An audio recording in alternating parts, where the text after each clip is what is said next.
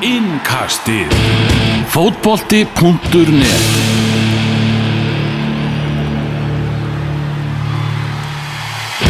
Sunnudagurinn 3. november er að klára, sunnudagar eru bestu dagar vikunar, sturluð helgi í Evrópuboltanum og á nægu að taka. Elvar Geir talar frá Reykjavík, frá Vestmanni, um talar Daniel Geir Moritz, uh, búin að jafna þig á tapi IBVF í handboltanum. Þetta, hafa ekki unnið séðan í september, Daniel? Já, já, já, þetta er bara Við verðum í úslítakefninni einhver staðar og endur svo sem Íslandsmeistarar í vor. Já, en við látum Arnátt að og félaga algjörlega um það að tala um, tala um handbóltan, við ætlum að eh, ræða um fótbólta hérna. Áðurum við förum í ennsku úrvarsleitina sem við ætlum að fara yfir alla leikina sem voru um helgina þá byrjum við aldrei þessu vant í Þýskalandi því að það voru stórar fréttir þaðan í kvöld þegar Níko Kóvak var eh, látið taka pókansinn, Bæjarn Mönn hér var með yfirlýsing á Twitter sem var rosalega einföld, það var bara leiðir Bæjarn og Níko Kóvak skilja. Uh, hann var látið fara eftir þetta 5 tap á móti Andrakt Frankfurt í gær. Og þetta er náttúrulega eitthvað tölu sem við þekkjum ekki, við höfum ekki séð þetta á okkar lífsleið að Bayern tapi fókbóttaleg 5-1 Nei, nei, og það fellur ákveðin skuggi núna á einhvern magnaðasta fjölmeirafund sem hefur verið haldinn. Sem að var haldinn þegar var svona að fara að hitna eitthvað undir Kóak að mörgum fannst og þá var blásið til fundar þar sem að kongarnir í bæjan sögðu fjölmeiramönnum að grjót halda kjafti. Mhm. Og meðan menn heldur jafnvel að verða að tilkynna að Kóak væri farin á braut. Nei nei. En núna er hann horfin á braut og það er bara það var ekki bara óhjákamilegt einhvern veginn? Það var aldrei ánægja með hann í starfi aldrei, bara frá fyrsta degi var þetta, voru þetta mistök Já, ég, ég er alveg sammálaðið, einhvern veginn svona fílingurum var þegar Níko Kovac var ráðin eins og hann væri bara að lappa plankan bara allan tíman sko. Þetta var bara spurningin hversu lengi ertu að fara að endast þarna sko. rosa gaman að fá vinnu svona Já, algjörlega, en þetta er náttúrulega bara tap það að gera það verkum að, að að hann var látin taka pókan sem bæin er hérna á samt uh, Freiburg, RB, Leipzig og, og Schalke með 18 stig í deildinni Dortmundur með 19 og Mönjagladbakar að gera góða hluti með 22 stig. En nú er bara spurningi hver er að fara að taka við Bayern Mönjan, það eru einhverjir stundins með Bayern sem eru vonast til þess að, að það verði bara einhver bráðabyrða gaur hérna, jafnvel Jú, Júp Hangas verði kallaður enn og aftur til, til starfar, en það er orðin það gamall að hann sopnaði síðast þegar hann eh, var við stjórnvölinn hjá, hjá Bayern. Já. það er einhver að gera vonir um það að bara þegar Jörgen Klopp er búin að taka titili með Leopold bara í, í vor að hann bara fara aftur heim til Þýskalands og, og fara í stjórastólinn hjá, hjá Bayern. En er eitthvað mikla líkur á því? Nei, ég held ekki. Og hvernig heldur það að sé samt, þú veist, dreyma dreymir alla þjóðverja um að vera einhvern tímann stjórar bæjum munn hér Veit ekki, svona, svona að búið að sögursæknum um klopp eins og hann gæti bara tekið að sér einhverja nýja áskorun ef hann næri að vinna englandsmeistaratitilin með Liverpool sko. Já, Þú veist, ber, eins og hann sé svona einhvern veginn ekkert að fara að vera alveg til eilíða nóns en sko það er bara spurningin. Hver, hver er að fara að taka við þessu? Verður það Allegri, hann veist vera efstur samkvæmt veðböngum skiljanlega, það er einnig eh, það er einnig verið að tala um Jose Mourinho sem að þú vilt reynda að fá á, á annan stað. Komum við aðeins betur að því og eftir Já, og svo er alltaf búið að vera að tala um Julian Nagelsmann náttúrulega lengi að hann sé svona bæjan þjálfar í mótun sko Já, sem er núna hjá, hjá Leipzig. En hann náttúrulega bara til dælu nýkomið þangað bara tók við í, í sumar. Þannig að það eru fróðlegi tímar framundan hjá, hjá bæjurum þeir eru alltaf búin að kveðja kóvakin já, þetta er svona eitthvað sem maður vissi að myndi gerast einhver tíman en maður verður samt svona pínu hissa að lesa um að hafi gæst Já, akkurat. En við skulum fara yfir í anskapoltan Það sem að allt uh, snýstum Og uh, þar var rosalega skemmtileg helgi Í ennsku úrvastildinu Og nú er staðan þannig bara að Liverpool og, og City eru ennþá hérna tvö efst og Liverpool er ennþá með 60 á fórustu þessi liður að fara að mætast á Anfieldum næstu helgi. Leicester og Chelsea eru síðan hérna uh, tveimur stegum á eftir Manchester City. Þessi fjögur lið þetta eru langbestu og langskemmtilegustu liðin í ennsku úrvalstildinni fyrstu 11 umferðinar, það er engin lið sem komast nálatin Það er alveg löggrétt og tablan lífur aldrei og sérstaklega ekki núna? Nei, sérstaklega ekki núna því að núna er ekkert lið sem er svona hvað á að segja svona varfærnislegt að spila á sínu styrkleikum og, og ná dundur árangri. Mm -hmm. Þetta er, þetta er búið að fara virkilega skemmtilega af stað. Það eru margir skemmtilegi leikir og mörg bara svona skemmtilegi lið þannig að talandu skemmtileg lið, ef við ekki bara byrja á, á Crystal Palace Leicester fyrirleik dagsins í, í ennsku úrvalstildinni ég er hérna bálskotin í þessu, þessu Leicester liði og hann veit félagi minn sem sagði við mig í dag þegar ég var að fara að lýsa Crystal Palace og Leicester hvort að ég væri bara hæfur til, a, til að lýsa Leicester leikjum því ég væri orðin svo mikill aðdáðandi liðsins. Og það er auðvelt að heitlast með þessu, þessu liði og við skoðum bara uppbygginguna og, og samansetningur við erum með náttúrulega þú veist gamlar hetjur eins og Jamie Vardy og Kasper uh, Wes Morgan koma, koma bekknum í, í dag og svona. En svo erum við að tala um sko Sö Jungu sem er mögulega er hann ekki bara búin að vera besti miðvörðu tímabil sem synga til? Jó, kannski hann og David Lewis. Nei, bara aðeins að slá að slá að létta. létta sunnudagur og svona svo. Jungu er 20, 23 ára Ben Chilwell en frábæri bakvörður er 22 en Didi er 22, Júri Tílemans og James Madison líka 22, Harvey Barnes 21 þetta er, þetta er svo það er svo hátt þak á þessu fótboltaliði. Þeir eru þegar komið með fleiri stig heldur en þeir voru með hérna á þessum tímapunkti á meistaratímabilinu eru já bara með mesta stigafjölda í sögu félagsins í, í efstu deild. Þetta lið er betra heldur en englandsmeistaralið Lester. Já, já, miklu betra. Og ef að þeir var að fara að mætast að þá myndi liði í dag vinna.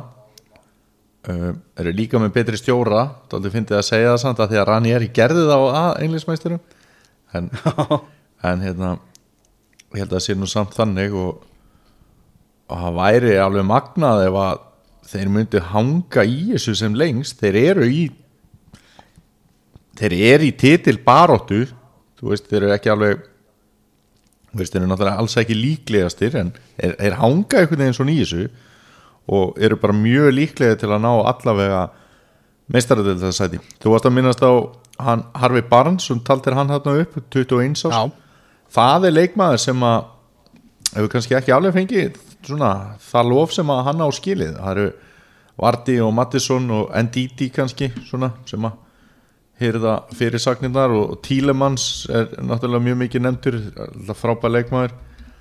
En ef við tökum hérna, Vardy út og tölum bara um þessa miðjumenn að þá er Barnes búin að vera algjörlega frábær og komið með fjölmarkar stóðsendingar á þessu tímabili.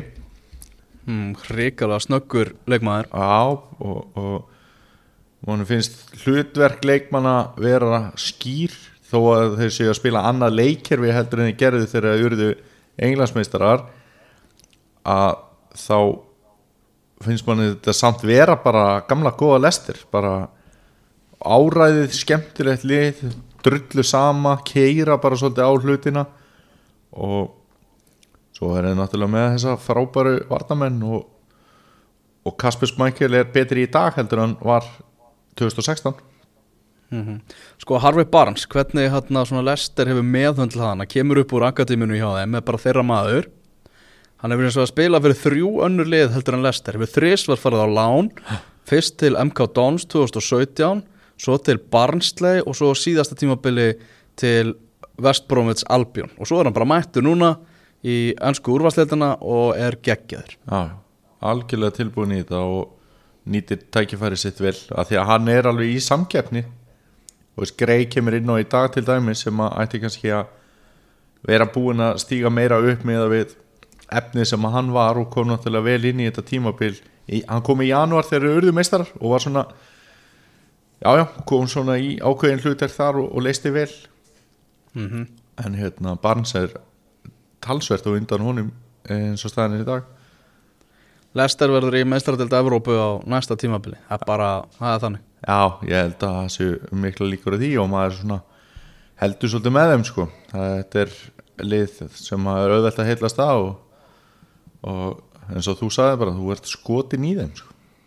Já, að þá var náttúrulega samt kannski Jamie Vardy að, að haldast heill. Hann er með 19 mörg í 21 leik þannig að Brendan Rodgers tók við þar að segja í, í ansku úrvalstildinni hann bara, Brendan Rodgers búin að já, spila, að bara móta liði í kringum Jamie Vardy og það skiljanlega þú ert með svona geggjaðan markaskorra Já, algjörlega og fyrst er upp í tíu mörg í deildinni í, í vetur. Þannig að mm bara frábæðleg maður frábæðleg maður. verðskuldaði sigur hjá, hjá Lester en ef Kristal Palace ætlar að vinna fótbollaleiki þá þarf Vilfred Saha að vera talsvægt betri heldur en að var í dag. Já, algjörlega og, og Krista Pallas og því vorum að tala um svona skemmtilegt lið ég menna þeir eru bara skemmtilegir og þetta er örugglega besta Krista Pallas lið sem að við höfum séð síðan að við byrjum að fylgjast með eða svona, já, tímabilið er náttúrulega ekki búið en Rói Hodgson hefur gert náttúrulega algjörlega frábæra hluti hana, annað verður ekki sagt.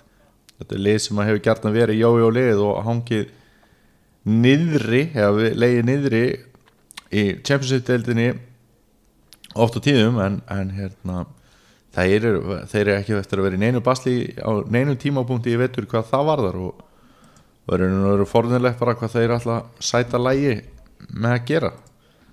Þegar Rói Hodgson tapaði fyrir Íslandi í hreðrinu nýs Já, þá held ég bara að hann væri að syngja sem svanasöng sem, sem stjóri. Uh, hann er 72 ára gamall. Uh, eins og hann bent á sjálfur í vittar á dögunum þá er hann einu ár yngri heldur en Donald Trump og komið góða punktum það að fyrst að Trump ætlar að vera uh, fórsætti bandaríkjana næstu fimm ár þá, þá get ég alveg haldið áfram. Og hann, hann er svo sannarlega ekki dauður úr öllum æðum og hefur, hefur náð vopnum sínu með þessu Kristal Palaslið sem er bara ríkilega vel skipulagt fyrir utan þeir eru smá vesinni núna með hann uh, hotspinnur að verjast hotspinnum fengur útrúlega marka á sig frá Sojungu í dag og, og svo voru miðverðinu þínir Sókrates og David Lewis að, skora þá í síðustum já sem hefur nú verið kannski hluti sem að Krista Pallas hefur verið með oft á hreinu, hann var náttúrulega verið með kalla þarna, Skottan fór með heiminskautum á tímabili. Mm -hmm. og er náttúrulega með Cahill og núna en Kelly, hann byrjaði ekki þennan leik hann hefur nú verið svona mjög öflugur hjá þeim. Um, hann, hann, er, hann meittist eitthvað og spurning hvort hann er erfitt með að endurheimta sitt sæti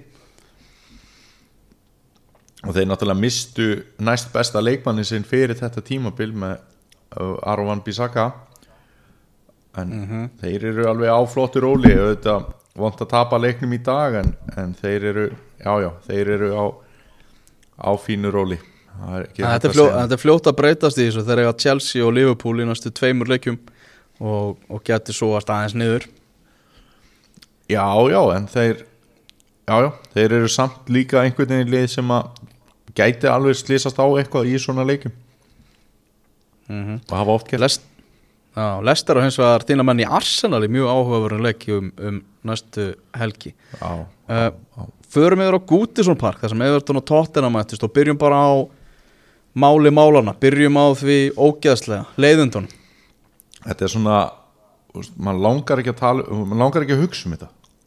Nei, þetta var bara þetta rosalega atbyrðarás þegar André Gómez uh, fótbrottar hérna ríkalega illa og þeir voru að horfa á þetta bara fylgdist með viðbröðum fólks í stúkun eða fólk sem bara sneri baki í þetta, gati ekki að horta á þetta.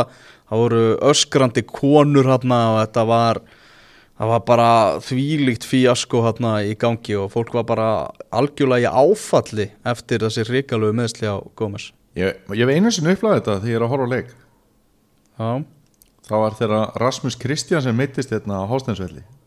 Já, það sem að hérna allir hættu að spá í fótbolta og, og öðru bara já, fólk var mjög óörugt og, og þetta var svona ó, óhugnalegt sko.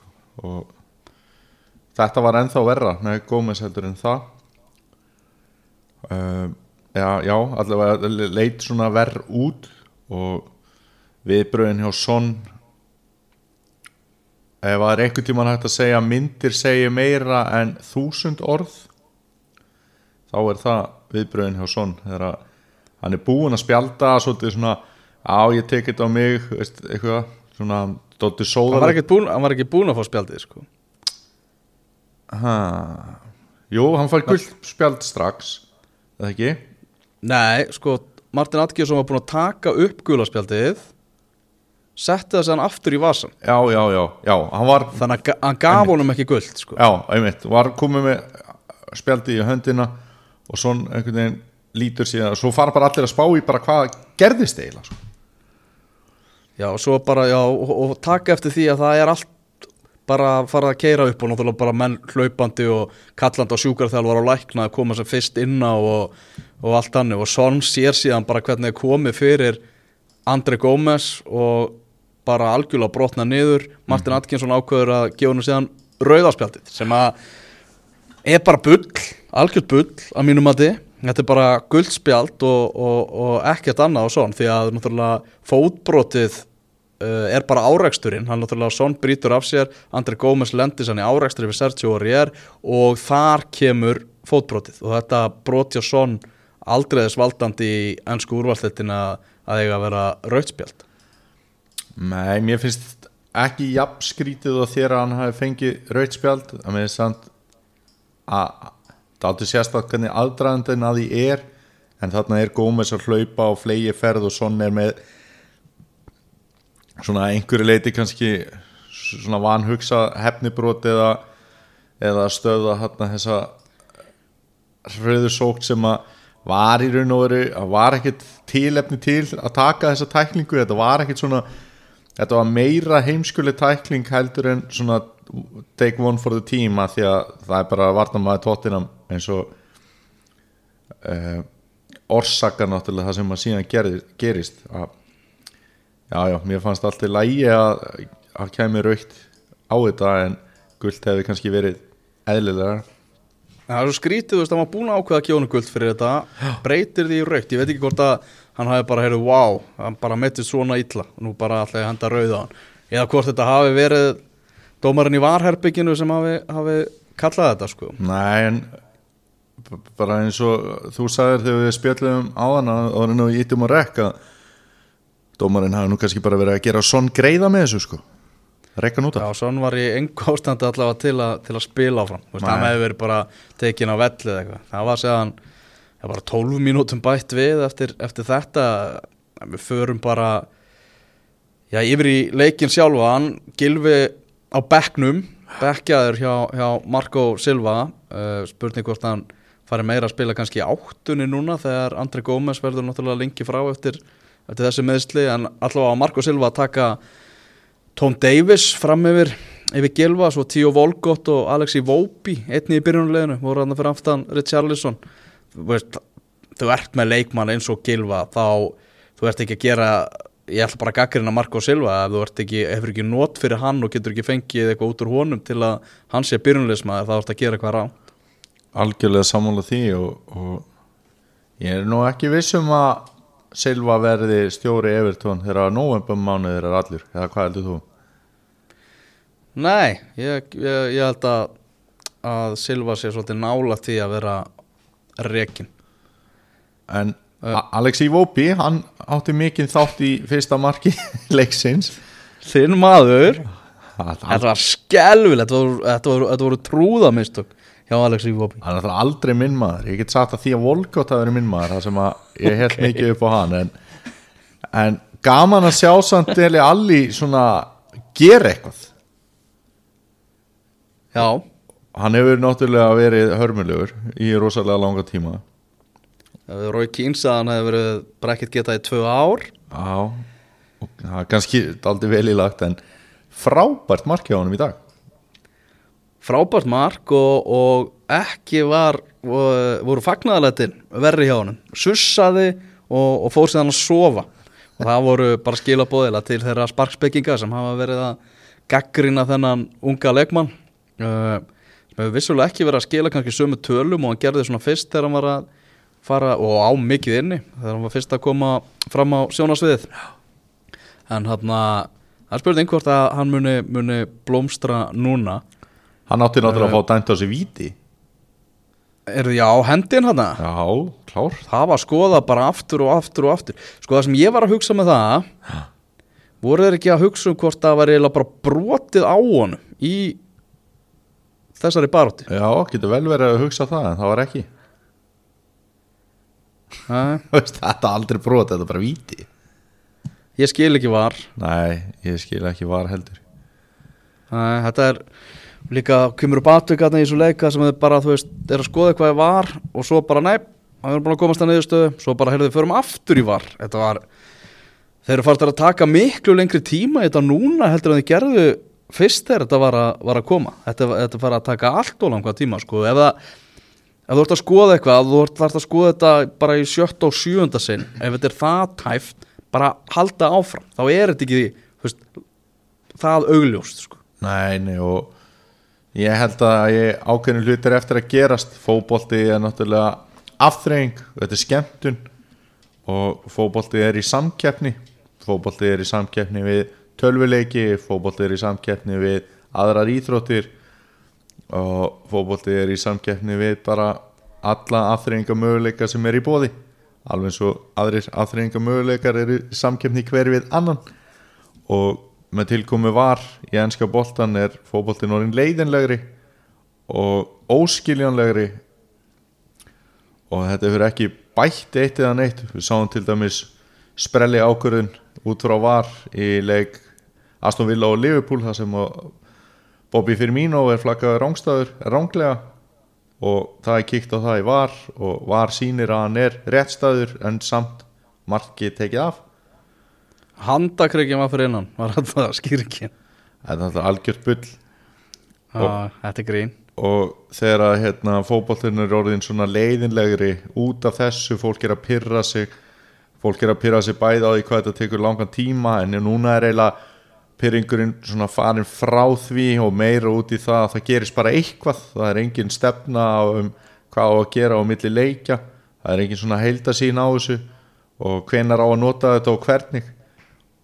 Og einmitt að var eigi ekki að hérna, breyta ef það voru ekki augljós hvað hvað slags viðmið er það Þú veist, á ekki, bara, á ekki var bara að vera til þess að ef að dómarinn dæmdi vitlaust að þá á það að segja þú áttur að gera hitt Já, eitthvað svona, heyrðu já, ég, hann dæmdi þetta ekki rétt en ég skil okkur hann dæmdi þetta rá Já. þannig að, þannig að þess vegna er, veit, þetta, er, þetta er alveg bílað og það er alveg skiljanlegt að það er krísufundu síðar í þessu mánuða sem félögin alltaf bara ræða um var og, og taka þetta gjössanlega til, til endurskoðunar það er mikið ósamræmi í þessu og, og maður heyrir það líka bara á sérfræðingum og lýsendum úti að, að þeir bara þegar það er var er, er, er hérna, tekið upp þá vita þeir, segja þeir bara ég hef ekki hugmynd um hvað er að fara að koma núna því að það var ótrúlegustu hlutir komið úr Varsjáni í síðustu umförun Já, og þegar að menn eru að svona alltaf vera með varnagla á, á hlutunum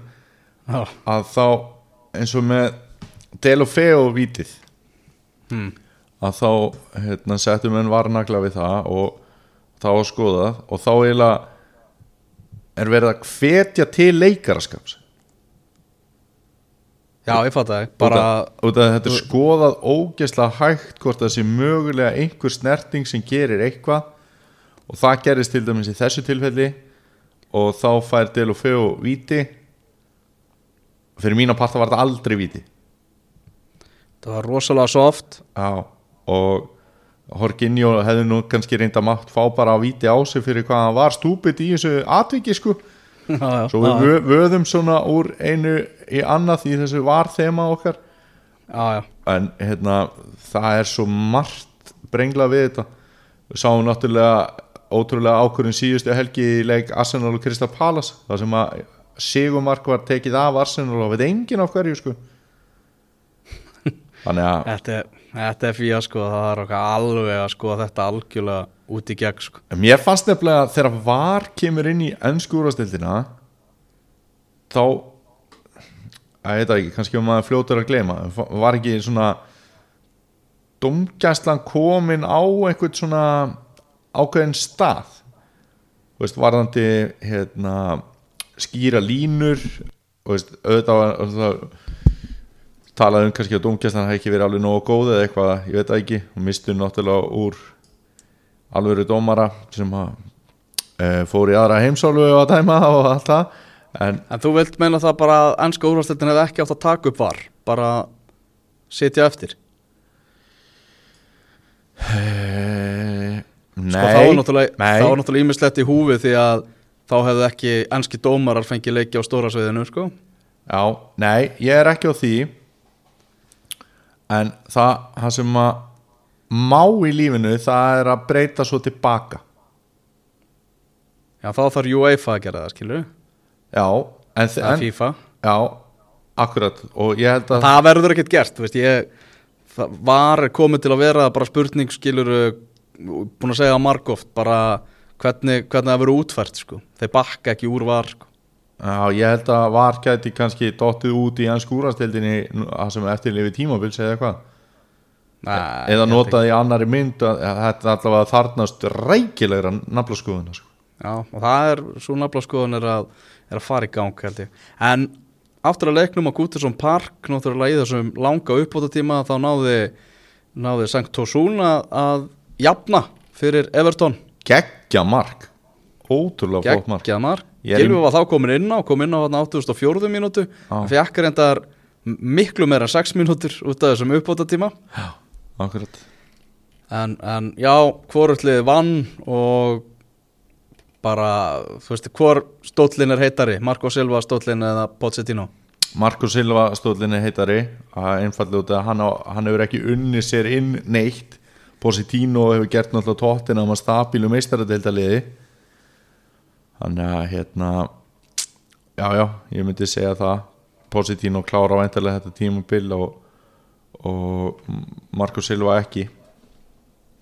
Tottenham samt í alls konar vandræðum. Uh, þetta er eitthvað hugafastlegt eitthvað tengist væntalega eitthvað því hvað svona mikill vafi á leikmönnum svona varandi samningamál Kristján Eriksen vildi fara og vill fara og, og það verðist ekki ennþá það verðist ekki vera svona sama liðsælt og, og var hjá Tottenham liðinu mjög áhugavert að hérna Amazon er núna með myndavilar bara ofan í grímunu á hverju leikmanni. Það er hérna verið að búa til einhverja svona heimildar þáttaröð um tímabili hjá já, ok, náttúrulega, náttúrulega margir sem heldur það kannski að þetta er tímabili þar sem þau myndu taka næsta skref uh, komnu með völlin farnir að mega eigða pening í, í leikmann eins og Endon Bele sem er, er frábæð leikmaður og, og komist í ústitt meistaradeildarinnar og, og allt hannig en þetta við snúið svolítið upp í andkörfu sína. Þetta stefnir í bara svona söndaland til að dæ þætti sko miða við tímabilið hjá auðmingja tóttinamönnum svo líka eitthvað vesen umbósmenna leikmanna skoða hvort þeir eru ekki að fá hærri laun núna. Fyrst þeir eru ekki bara fótboltamenn heldur fara þeir að leiki sjómastáttum líka. Þannig að svona rýms ímis fylgi fiskur þessara, þessara þátta. En ef allt verður s- eh, sínt þarna bara svart og sigurlaust í þessu þáttum þá verður þetta kekkjaði sjómastættir já, þegar, þegar þeir koma út sko. Já, já, það er náttúrulega þá einmitt spurningin hvort að þessu verður eitthvað kent um. Það ítla gengur þá er hægt að er hægt að finna svona eitt og annað sem er reynd að nota frekar heldur en bara svona augljósa hluti. Mm við sáum það nú á, eh, með íslenskan landsliði þegar Sölvi Tryggvason var að gera sína mynd. Að þá hafði það nú byggla bara jáka áhrif gerði svona aðeins meiri stemningu að auðvitað hafði það ekki úslita áhrif skilur, ég alls ekki að meina það þannig en kannski kom eitthvað svona 1% í viðbót gott út úr því. Þannig að já já, þetta var áhugavert að horfa á þess að þætti. Það er ekki leiðilegt að horfa á bara þáttaröðum tóttin að drulla á sig sko.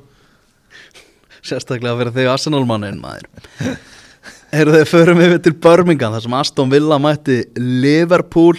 Uh, ég sem stuðnismæður Manchester United ég veit alveg hvernig stuðnismæðunum Liverpool liður núna, það liður þeirra bara skorar í uppbóta tíma trekk í trekk með þessa geggjuðu sóknumenn sína og, og gegg, bara geggjaða fótboltalið, þetta er bara svona orðið þannig að þegar leikmenn líti á klukkuna hvort sem þeir eru í Liverpool eða í liðið anstæðingana þá vita er það að það er að fara að koma mörg frá Liverpool hérna í, í blálókin sko.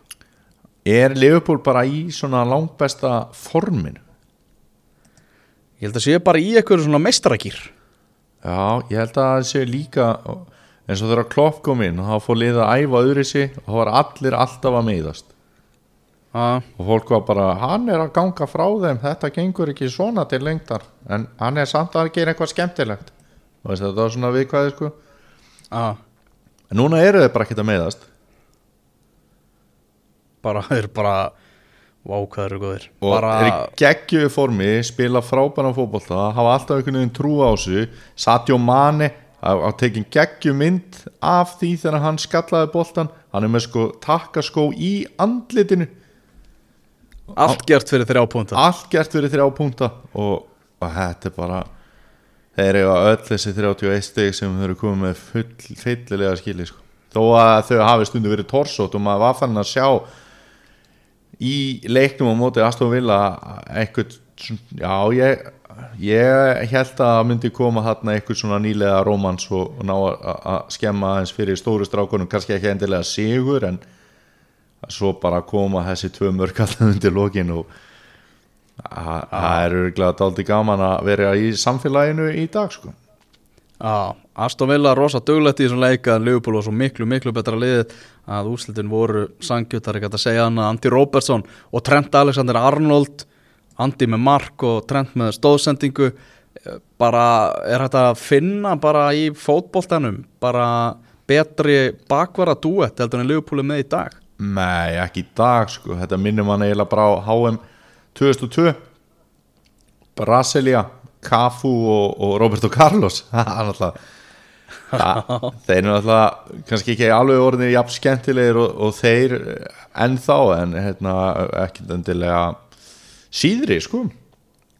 Nei, alls ekki, bara svo heilst eftir líka sko. Já, það var einmitt fyndið með, með held ég minna að hafa verið Cafu frekar en Carlos sem að var oftast af brasilíska landsliðinu dæmdur rángstæður á HM 2002 Já, sem segir mikið um hvernig bolta þeir ætluðu að spila þar og þeir ætluðu rúliðu upp því móti. Já, og við höfum alveg séð hérna, Alessandr Arnold vera dæmdan rángstæðan oftar en einu sinni. Þannig að hérna, hvernig þeir eru að bara mastera þessu hlutverk. Og mér veist einhvern veginn þegar ég veit ekki hérna, og manns kannski eftir þegar Asli Kól var að svona reyða sér til rúms og koma hann inn að hérna, á sínu tíma í Arsenaliði að þá fannst manni að vera vera leikstaða að breytast. Veist, þetta fór úr því að vera svona Dennis Irvin, Gary Neville bakverðir Já. og, og svo og var þarna komið svona nútíma bakverðir einhvern veginn bara svona framtíða bakverðir einhvern veginn svona öðru sér pæling með að taka þátt í stuttu spili og hlaupa endalust upp og niður. Og mér finnst þetta að vera svolítið þannig líka hvað Klopp er að gera með þessa gæja. Þarna eru bakverðir, það er aukaspilnu sérfræðingur það er annar bakverðurinn að leggja upp á hinn. Veist, þetta er einhvern veginn meiri nýtni í þessum leikstöðum heldur en hefur oft verið. Og, og það er nú svona hefur, stundu verið brandari sem að ég hef sagt til dæmis við Andra Þór félaga minn sem var bakverið hjá fjaraðbygði í mörg ár. Að bakverið væri bara þeir sem að gáta ekkert og þá voru þeir settir í bakur sko. En þú veist, það er svo langt í frá þannig þetta er ekki lengur menn sem eiga bara að negla út á bílastæði sko. Nei, Þetta er bara eins og þetta er ekki, Liverpool bara, þetta eru bara þessi menn eru bara eitt helst af opnið í, í liðinu sko. Þeir eru hættulegri sóknamenn heldur að allir miðjum en Liverpool. Það er bara tökum, Það er bara svolítið ef við tökum byrjunarliði ég meina Fabinho, Henderson og Wijnaldum, þú veist þetta er ekki næstu jafn hættulegi sóknamennin og bakverðin í Liverpool. Það er bara þannig Verður frábæleikur eftir, eftir viku þegar Liverpool og City eigast við City lendi kröppum dansi á móti Southampton Dýrlingarnir sem að fengu aðna niðurlægingu á móti Leicester fyrir rúmri viku þeir komust yfir í þessu leik Vort Prás og það var ekki fyrir á 70. mínútu sem Manchester City náða jafna og hver annar en Kuna Guerrero Kyle Walker með stóðsendinguna og svo kom hann með sigumarkið á 87. mínútu trölla framist að hjá Kyle Walker og, og City náða að landa þremur stugum koma óvart að, að þeir voru í vandrað með Sáðandun í þessum leik? Já, það kom mjög óvart. Ég held að maður myndi sjá svona 5-0 þarna. Og ég, ég var alveg samfæður um Aguero myndi koma inn í byrjunarliði í þessum leik. Keipta hann í fantasy og svona. Uh, Sitt, Sitt í átti bara tvö skot Nei, fjögur skot á markið í þessum leik. Það var ekki meira það. Einhver styrleiki í þessum leik og, og maður veit svona veit ekki alveg hvað veldur að því að Kyle Walker var að spila betur heldur en hann hefur gert kannski oft á tíðum mm og David Silva og Bernardo og Störling og Kevin De Bruyne og Aguero og allir í byrjunarliðinu en samt einhvern veginn var þetta ekki alveg að tikka sko. það er óvinnulegt hjá City með svona stertlið og heimavelli og á móti ekki meiri spámunum heldur en dýrlingunum sko.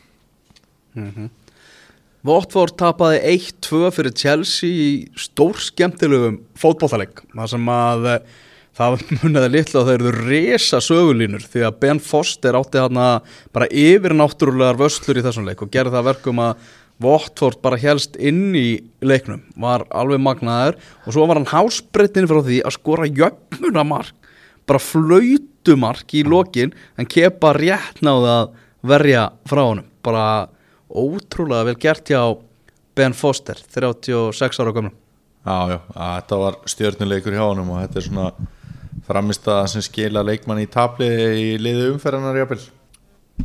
Staðan var staðan var náttúrulega orðin 2-0 fyrir Chelsea og að Tammy Abraham heldur að hafa fram að að skora og Pulisic er að koma virkilega sterkur inn og það er bara mjög öðvelt að heillast af þessu Chelsea liði og það eru bara allir leikmennir þeir eru með mjög fyndi miðvarapar og þeir eru bara að standa sína plikt og Chelsea búið að vinna núna 5 eða 6 leiki í röð og þetta lítur bara gríðarlega vel út hjá heldur betur og ég talaði um að hann hefur skotin í þessu Lesterlið, ég líka skotin í þessu Chelsea-lið og hann það er bara, ég held að það sé gaman að vera stundismæða Chelsea, svona vanið því undan frá nára, Roman Abramovits er bara kaupandi kalla hérna hinga og þanga, núna allt einu komnir í kaupan sem að einhvern veginn var bara blessun í, í dulargerfi eða og fengu hárrétta mannin til að stýra þessu. Frank Lampard bara romantíkin allarleið ungu strákarnir að blómstra. Ég held að hjálpa þeim líka að það er engin utan að koma til pressa. Eina pressan er bara frá Frank Lampard sjálfum sem var svolítið pyrraður í þarna fyrir tímabili hvernig var talað um Chelsea. Það var eins og þau væri svona súkulaði í, í deildinni. Já, já. Þeir svona með væri eitthvað bara mættir þarna til að vera með. Akkurat. Akkurat og uh, þeir eru að inni til dæmis Rúben Loftus Cheek og Hudson Odoi og veist, það er alveg breytt þarna sko, Oliver er hann inni líka og, og þannig að hérna, já já, þetta er bara áhugavert. Já, förum yfir í þína menn, Daniel. Arsenal 1, Wolves 1 úslit sem að bara leðið að segja það, koma bara engum og óvart uh, með að við hvernig Arsenal hefur verið að spila? Já, já, þetta er náttúrulega bara orðið freka pyrrandi bara svo leis uh, Una Emery á Amal í dag. Og sko múin til að hafa ekki með það. Já, hann fær hverju allavega frá þér. Já, já, 47 ára gamall og, og, og hérna hann verður ekki sakaður um annað en að vera að gera sitt besta mm. en á móti kemur að hann hefur ekkert í þetta verkefni að gera Já, Hans besta er ekki nægilega gott Nei, nei, það er ynga veginn og gott og Það vit- það vita náttúrulega allir að þú vilt bara Jose Mourinho í stjórastólinn á morgun En hvað með, hvað, hvað með Patrik Vieira? Er hann ekkert að, að heilla þig að sækja hann frá hreðurinu í nýs? Já, þetta var- væri náttúrulega skemmtilegra ef að Viera væri búin að gera eins meira á sínum stjóra ferli og væri svo að koma. Uh, getum kannski einhverju leiti borðið að sama við hvað Luis Enrique gerði á Róma áður hann kom til Barcelona. Þá veist það var svolítið sniðut múf hjá hann sko. en en hérna, jú, ég var alveg spenntur fyrir að fá Patrik Viera hann er náttúrulega algjört legend og örgulega með gildin og reynu hvað hann vil sjá. Af því að að hugmyndir fólk sem Viera sem þennan múrbrjót og, og grjótharða miðjumann sem að e, var í raun og veru eini kannski miðjumadurinn sem að náði að setja ofan í Rói Kín sem að var nú ekki auðvelt að gera á þessum tíma þegar Viera er hann þessi leikmaður. Þá var hann líka bara ógeðslega góður leikmaður og spilaði í ógeðslega skemmtilegu liði og hóf margar sóknir þar og, og hann er náttúrulega algjört legend en ég ætla ekki að bera það sama við hversu spenntur ég væri að fá Jose Mourinho. Þú vilt að hann mæti Mourinho og bindi saman varnarleikin Já og fái líka bara svolítið svona hvað á maður að segja? Fái bara svolítið svona eitthvað svona standart á þetta. Eitthvað festu og standart og, og þá, eru kannski einhverjir sem eru með Mourinho fordóma sem er að hrista hausinn bara já en, en Já, það er ekkert allir Arsenal menn sem vilja fá hann. Nei, nei, og bara hann á ekki eftir að gera neitt úr ungu strákunum og, og hann, eitna, hann, hann er svo mikill, hann er svo varna sinnaður og eitthvað lalala að með Mourinho og allstaðar með held ég bara yfir flest skoruðu mörg eða setti þau á þeim tíma sem hann var.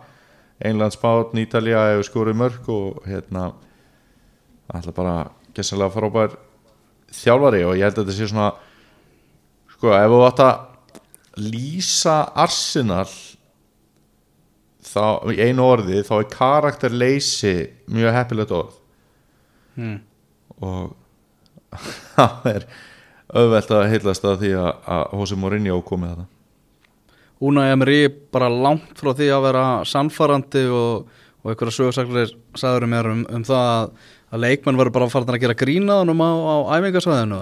Já, það eru búin að vera fréttir af því að, að leikmenn taki hann ekki alvarlega og hæðist á honum og ég var nú hérna nýra á rakkarastofu um daginn og, og, og bullaði um fótbolta þar eru Arsenal menn báðir að klippa og Afi annars þegar kom í heimsókn og Arsenal maður líka og mjög ennheikslaður og Emery, hann sagði samt að vera mjög góður í einu Þetta er svona Já. fullorinn gamall skemmtilegu kall sko að vera að gretta sig Hann er góður í því. hann er mjög góður í því og Það er lítið að fara að gagnast Arsenal en halda, halda allir rakarar með, með Arsenal eða? Já, allavega hérna á Suðurlandinu Já.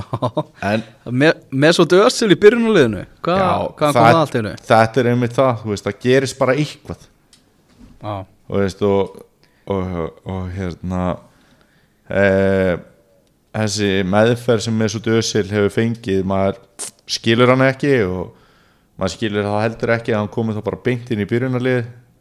Jújú, ok, hann byrjaði þarna í, í deildabíkarleiknum í þessum thriller sem hann var hérna í vikunni á móti Liverpool.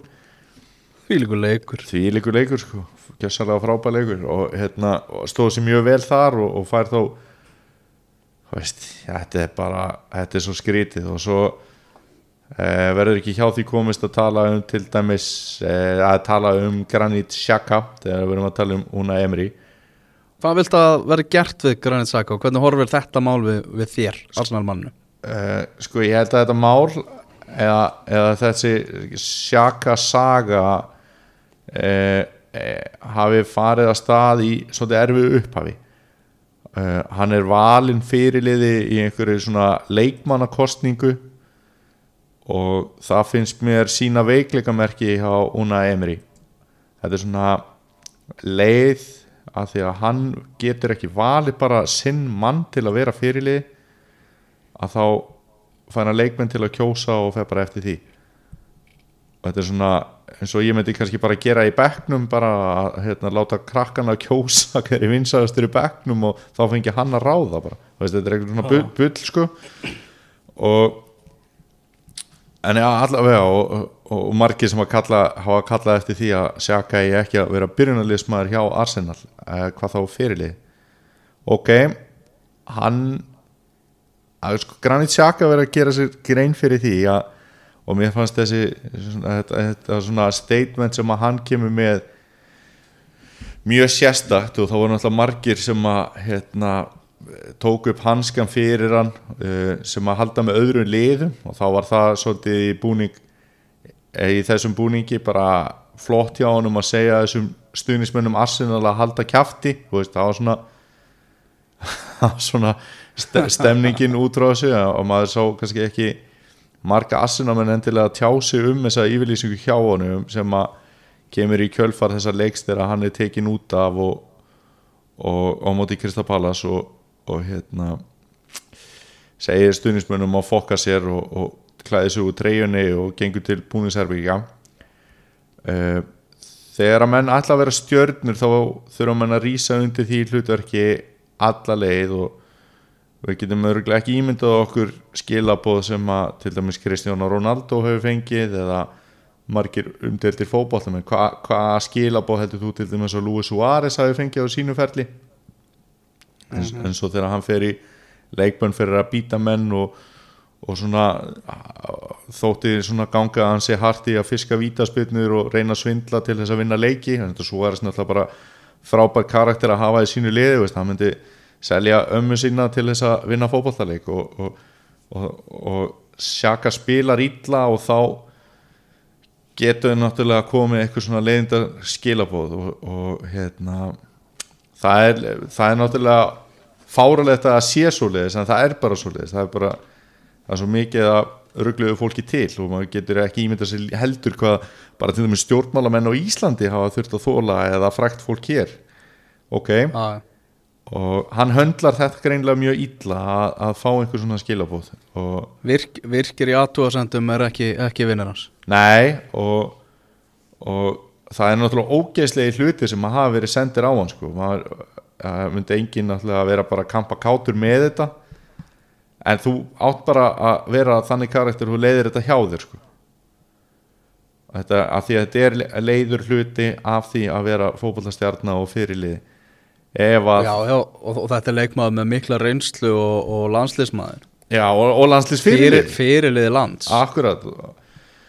Sko það sem að gerir Arsenalmenn brjálaða í þessu mómenti í þessu sjakamáli það er að þeir eru að gera jafntefli við Krista Palas eftir að komist 2-0 yfir og sjaka er búin að vera mjög lélugur og þá að taka hann út af og hann er, lull, hann er á lullinu. Hann er bara svona að dulla sér út af og hann er að tefja leikin þegar Arsenal þarf að nýta tíma til að sækja þrjú stig.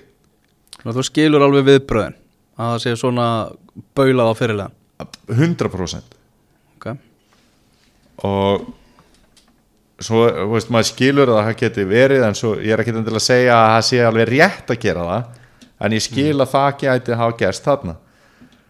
Ef að hann hefði til dæmis bara sé skiltið, honum skipt út af og hann hefði hlaupið út af hent bandinu í eitthvað, hlaupið út af og svona kreft nefn og svo bara komast rákar, sækjum hérna sigurinn. Þú veist, þá hefði þetta aldrei gerst en hann er ekki þannig karakter greinlega og hann lullar þarna út af, fólk trillist hann er alltaf búin að vera mjög slakur í leiknum og hann segir öllum að fokka sér með það bara það er, það er óheppilegt klæðir sér svo úr treyjunni og hleypur inn í búnisklefa um, ég held að með þessu sé búið að myndast samband á milli stuðnismanna og sjaka sem er erfitt að laga uh, eða ástand sem er erfitt að laga. Og mér fannst í þessari yfirlýsingu hann ekki svona sjá að sér heldur veist, tala um að þetta hafi verið svona, já, virkilega óhefilegt hann var bara að segja bara, já, ég ger þetta og ég er að fá svona skilab og ég á rosa bátt og eitthvað. Um, og það sem ég held ekki heldur eftir að hjálpa sjaka er að Una Emery er síðan stjórin sem er mjög líklegur til þess að höndla þetta mál afar illa og hefur eiginlega gert það svona hinga til. Hann verðist ekki að þú veist, þú er að taka ákvörun það veit enginn hvort að Grænt Saka sé að fara að vera fyrirlið á móti Lester í, í næstu umferð eða hver, hver verður með bandið? Þetta er bara eins og með Ösilmálið þar sem hann hefur aldrei náðu að útskýra það af hverju Ösil er út í kuldanum eða, eða neitt hannig, þetta er ekki að hjálpa gæjanum sko. Nei, alls ekki og, og þegar hann hefur verið að pyrrast yfir í að vera spurður út í Ösil það er að segja þú veist, það er mjög kjánalegt. Ösil er stjórnileikmaður í Arsenal þú skal ekki gleyma því. Hann er fyrir um heimsmeistari í fótbolta þetta er, þetta er leikmaður sem er með hérna, einstaka sendingagetu og leikskinning og, og hann er einn af týrustu leikmannum í sögu Arsenal þannig að auðvitað ertu spurður úti að þú ert ekki að spila honum ég meina, þetta er bara. Aha. En hvað viltu gera við Saka? Ég held að e, sko ef það er einhvern veginn hægt að gera það smekklega að hann sé bara settur á sölulista og, og, og hérna hann Bara í varaliði? Já, fá bara að fara í janúar hann er stutt í það. Og það er alveg lið sem að myndi taka hann sko. Hann hefur, hefur margt.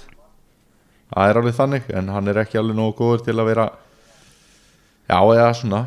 Hef, Seldur með afsláttarverði í janúar.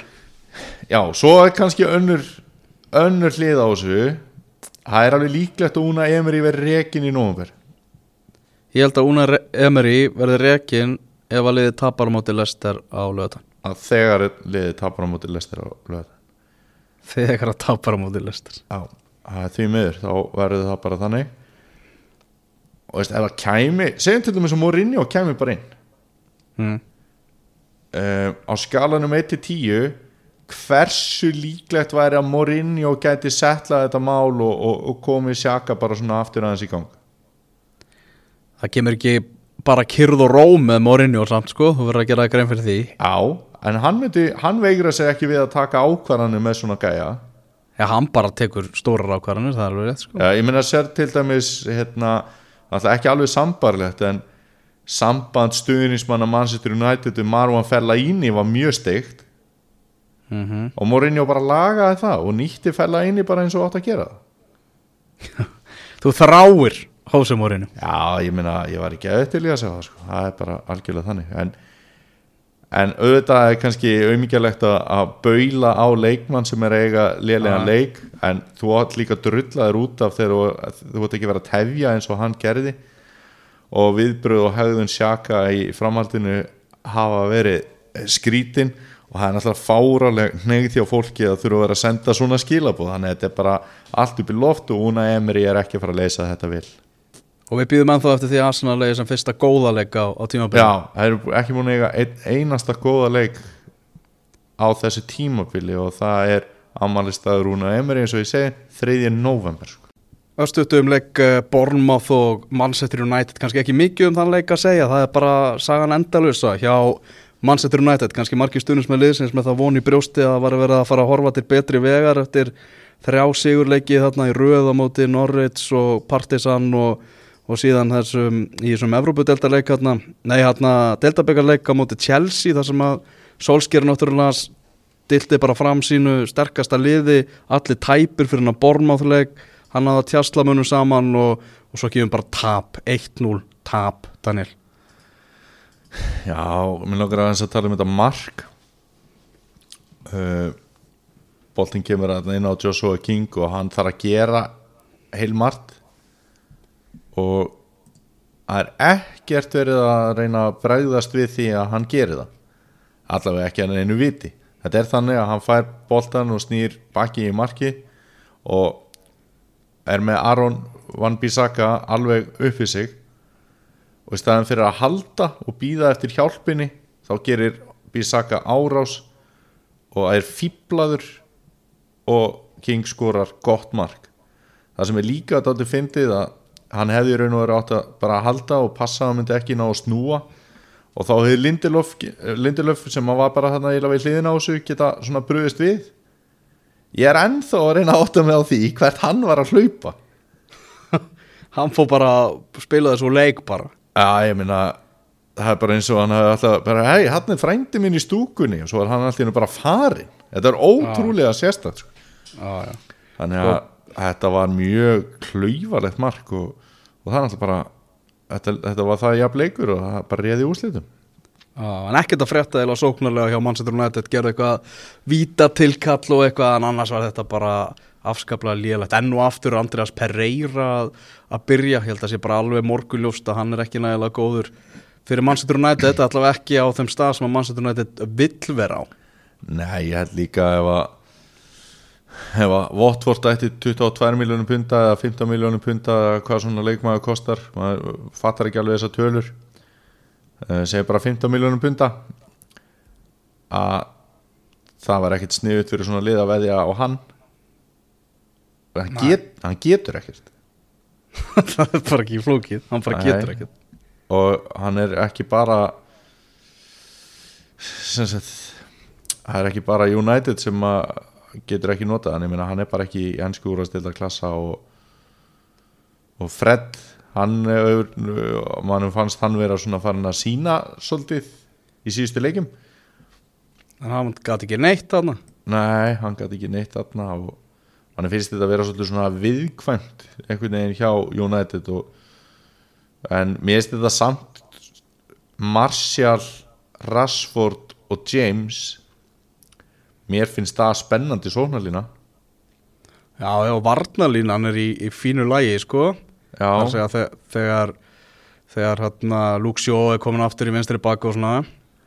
Og Maguire með fyrirlega bandi þú veit að allir Jón kennst ekki í liði bara Scott McTominay á að taka við þessu fyrirlega bandi? Nei, Harry Maguire. McTominay, Maguire. Aðja segjum skilið við en, þennan leik. Nei, býtu, eitt samt með þennan leik. Hversu mikið heldur þú að United sakni Paul Pogba? Uh, pff, Ég veit ekki hvort að væri eitthvað betri staða með hann inn á er, er, er, er þetta United er þetta Pogba, er þetta bara er þetta búið það? Nei, þú veist, hversu mikið ofar væri Manchester United ef Paul Pogba hefði haldist heill þeir væri sjötta sæti. Fyrir ofan Sheffield United? Já, Ok. Það er glæsilegt. Þetta voru frábæð loka orðin þannig þátt. Nei, um þennan leik Heyrðu, förum uh, uh, stígum niður fæti í öðrum leikjum í umferðinni? Sheffield United heldur áfram að gera magnaða hluti 3-0 sigur á móti Burnley þar sem að John Lundstram skoraði tvö mörg og ég ætla bara að leifa strákunum í fantabröðum að tala um, um þann gæja annað kvöld eða ný fantabröð kom inn. Ég held að það sé klárt mál að hann verið vel til umfjöldunar í, í þættinum. Akkurat og við vorum nú aðeins að tala um hérna hann Musei um daginn sem að skoraði hérna á móti Arsenal þegar Sheffield United var að spila við þá. Að hann var með þrjár stóðsendingar í þessu leik sem er virkilega vel gert. Það er ansi vel gert sko. þetta er nokkuð góðu leikmaður sem komst ekki inn í Bournemouth liði þar sem að Joshua King og Callum Wilson eru betri en hann en þetta er samt góðu leikmaður. Sheffield United bara gera alveg ótrúlega góða hluti í, í þessari, þessari deild Chris Valder og, og hans menn. Þetta er, það, þetta er það lið sem hefur komið mér mest á óvart. Það lið sem hefur komið mér mest óvart það er Brighton sem vann 2-0 sigur á móti Norwich. Uh, Ég bjóstu því að þetta er bara döið og djöfull hjá Brighton á þessu tímabili og þeir færu lóðurjætt niður en þeir eru í áttunda sæti deildarins. Þeir hafa komið virkilega óvart, það er alveg satt. Það er búið að kreista vel út úr mannskapnum þar maður. Já En að nýlegar séu samt og við tökum Sheffield United með bestu vörnina í deildinu eftir 11 umferð kemur við meira óvart heldur en eh, gengi Brighton. Já, já, já, já.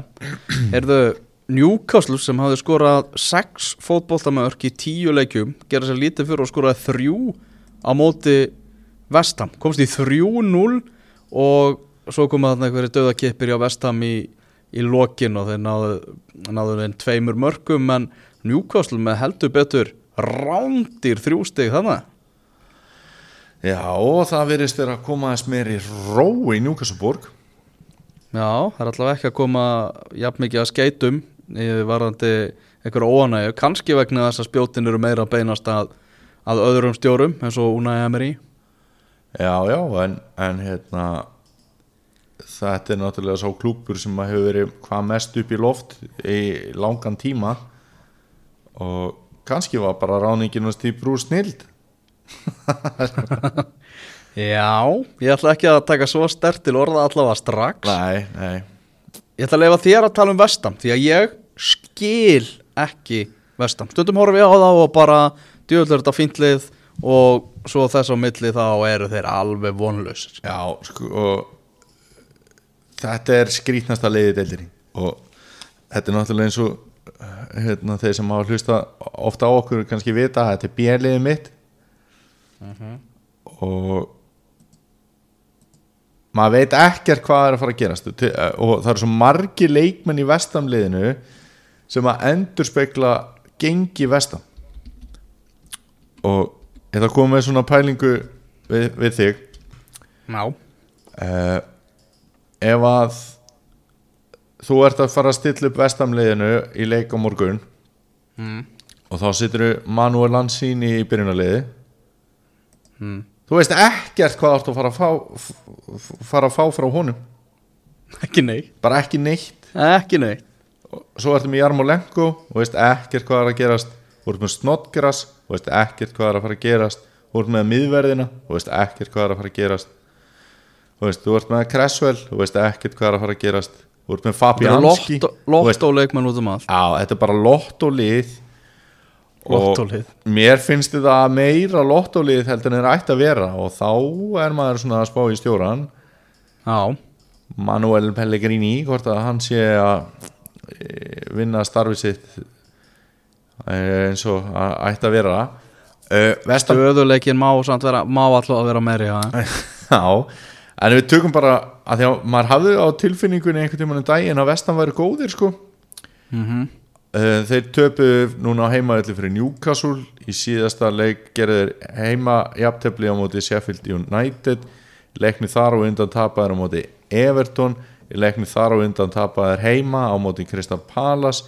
Leikni þar og undan gerðir jafntefli við Bournemouth. Og svo að því við erum að tala um svona maður veit ekkert hvað er að gerast að í leikni þar og undan vinnaðir sannfarandi 2-0 sigur á Manchester United. Þetta er svo mikið bara Ekkert samræmi Ekkert samræmi. Samræmi. Þannig að Nei.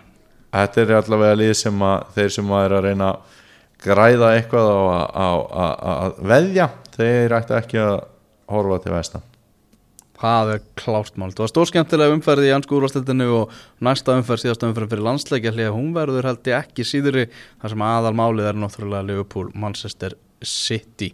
Uh, Kíkjum aðeins uh, út í Evrópu, við hafa meistardelt Evrópu í þessari viku, þar sem er verið að fara að spekla leikina sem voru síðast í meistardeltinni, setnu umferðina að byrja. Og uh, til dæmis er Liverpool að fara að keppa heimaleika móti Genk og, og Dortmund heimaleika móti Inter og svo mætti áfram telja. Mm -hmm. uh, Förum til Spánar Spánarsparkið, þar eru Barcelona og Real Madrid tvö efstulið deildarinnar. Og eiga náttúrulega leik inni þar sem El Clasico var, var frestað eins og frækt er. En það er átt fyrir að vera í efstu tveimur sætunum. Þá eru þessi lið alveg langt frá því að vera samfærandi og mikið verið að ræða um framtíð stjórana tvekja Valverde og Sinindin Sítan Hvor stjórin er í meira basli? Valverde núna. Já, bara eftir, eftir þetta tap á móti Levante, mjög skrítið tap þar sem að Lionel Messi kemur Barcelona yfir svo allt í einu á einhverju sjöminútna kapla í staðan úr 3-1 fyrir Levante og nú er bara, eru alls konar sögur í gangi. Það var eitthvað að orða Ronald Koeman við, við Barcelona og hann var hérna að neita því að hann var eitthvað leiðinu til þeirra aftur. Það er einhverjir sparkbyggingar sem segja að það verða stjóraskipti hjá Barcelona þá verður Valverde látin fara eftir tímabilið. Uh, maður veit ekki hvað er að hvað, er að, hvað maður á að trúi hverju maður á að trúi í þessu. Uh, Real Madrid gerir markalust jafntefli á móti Real Betis það sem þeir fóru illa með, með færi. En þessi bæði þessi stórveldi eru ekki, ekki sannfarandi með þessa myndir. Nei, Real Madrid er búið að tapa einu leik í dildinni samt. Já, gera fjögur jafntefli Já, það er reyndar daldið skrítið. Það er doldið skrít Heyrðu á Ítalju Þar er uh, Juventus með einstiks fóristu unnu þarna uh, sigur á móti Torino um helgina. Mm -hmm. uh, AC Milan heldur áfram að tapa tapa fyrir Lazio í kvöld. Já, þetta er orðið daldið þreytandi með AC Milan og það ég, ég og Valtarinn erum ekkert að fara að fagna eftir Milan leiki í vetur sko. Nei. Þarna Balotelli hot. Já, Mario Balotelli skoraði þessar umferð. Sitt annað marka á eh, tímabilinu í ítölsku aðdeltinni Það eru góðu fréttinnar já. Uh, Vondu fréttinnar og það er að bæði mörkin voru sárabóta mörk mm -hmm. skiluðu engu. Og Eh, rosalega langt á millið þeirra Já, rosalega langt á millið þeirra. Brescia er í fallsæti. Balotelli að fá mikla gaggrinni og endurkoma hans hafa verið mikil vonbriði og ég held að sé nánast útséð að ég held að sé bara útséð að við fáum ekki að ó- óska okkar uppfyllta um að sjá Balotelli á EM allstaðar 2020 því að án Balotelli er ítalska landslið að fara með heimunskautum vinnur alla fótbollaleiki undir stjórn Mancini Já, það er kannski Og- smá vonu að því að Mancini er stjóri í Ítalíu að ef að Balotelli myndi svona rökkva í gangi eftir áramóta þá myndi Mancini taka eftir í á undan mörgum öðrum stjórum.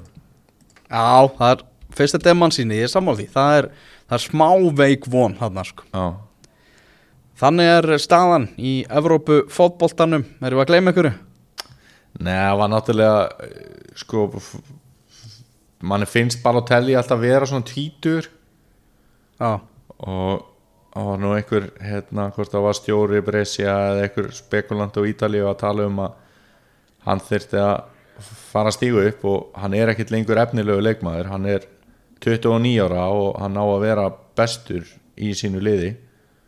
Mm, það er svolítið langt frá því því meður Já, og hann hefur verið svolítið langt frá því. Þannig að þetta var svona Balotelli hótt sem að byrjaði vel og hann hafi skorað og endaði að endaði ítla Eruðu yngastið er komið að leiðar lokum að þessu sinni, það verður með einhverju öðru sniði eh, eftir næstu umferð þar sem að ég er að fara að skella mér til Tyrklands á föstudaginn, er að fara Já, til. Antalya þar sem að íslenska landslið er að fara að æfa sig fyrir eh, leikin á móti Tyrkjum og svo mætaði Moldovum en allt útlitt fyrir það að við séum að fara í umspilið í massa á næsta ári og þá kannski í færium ef að uh, veturinn verður harður og, og lögadalsvöllur óleikhafur væri þá ekki málið að hafa binna hlög í liðinu, ég meina hann er titla óður hann í færiðum og...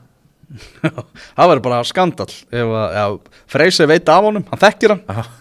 þannig að aldrei að vita um að Binni Hlöð verði mættur í, í mars. Já. þannig er gleðin í þessu. Herðu Daniel, takk kærlega fyrir uh, samfylgdina í kvöld og ég þakka hlustendum sem hlýttu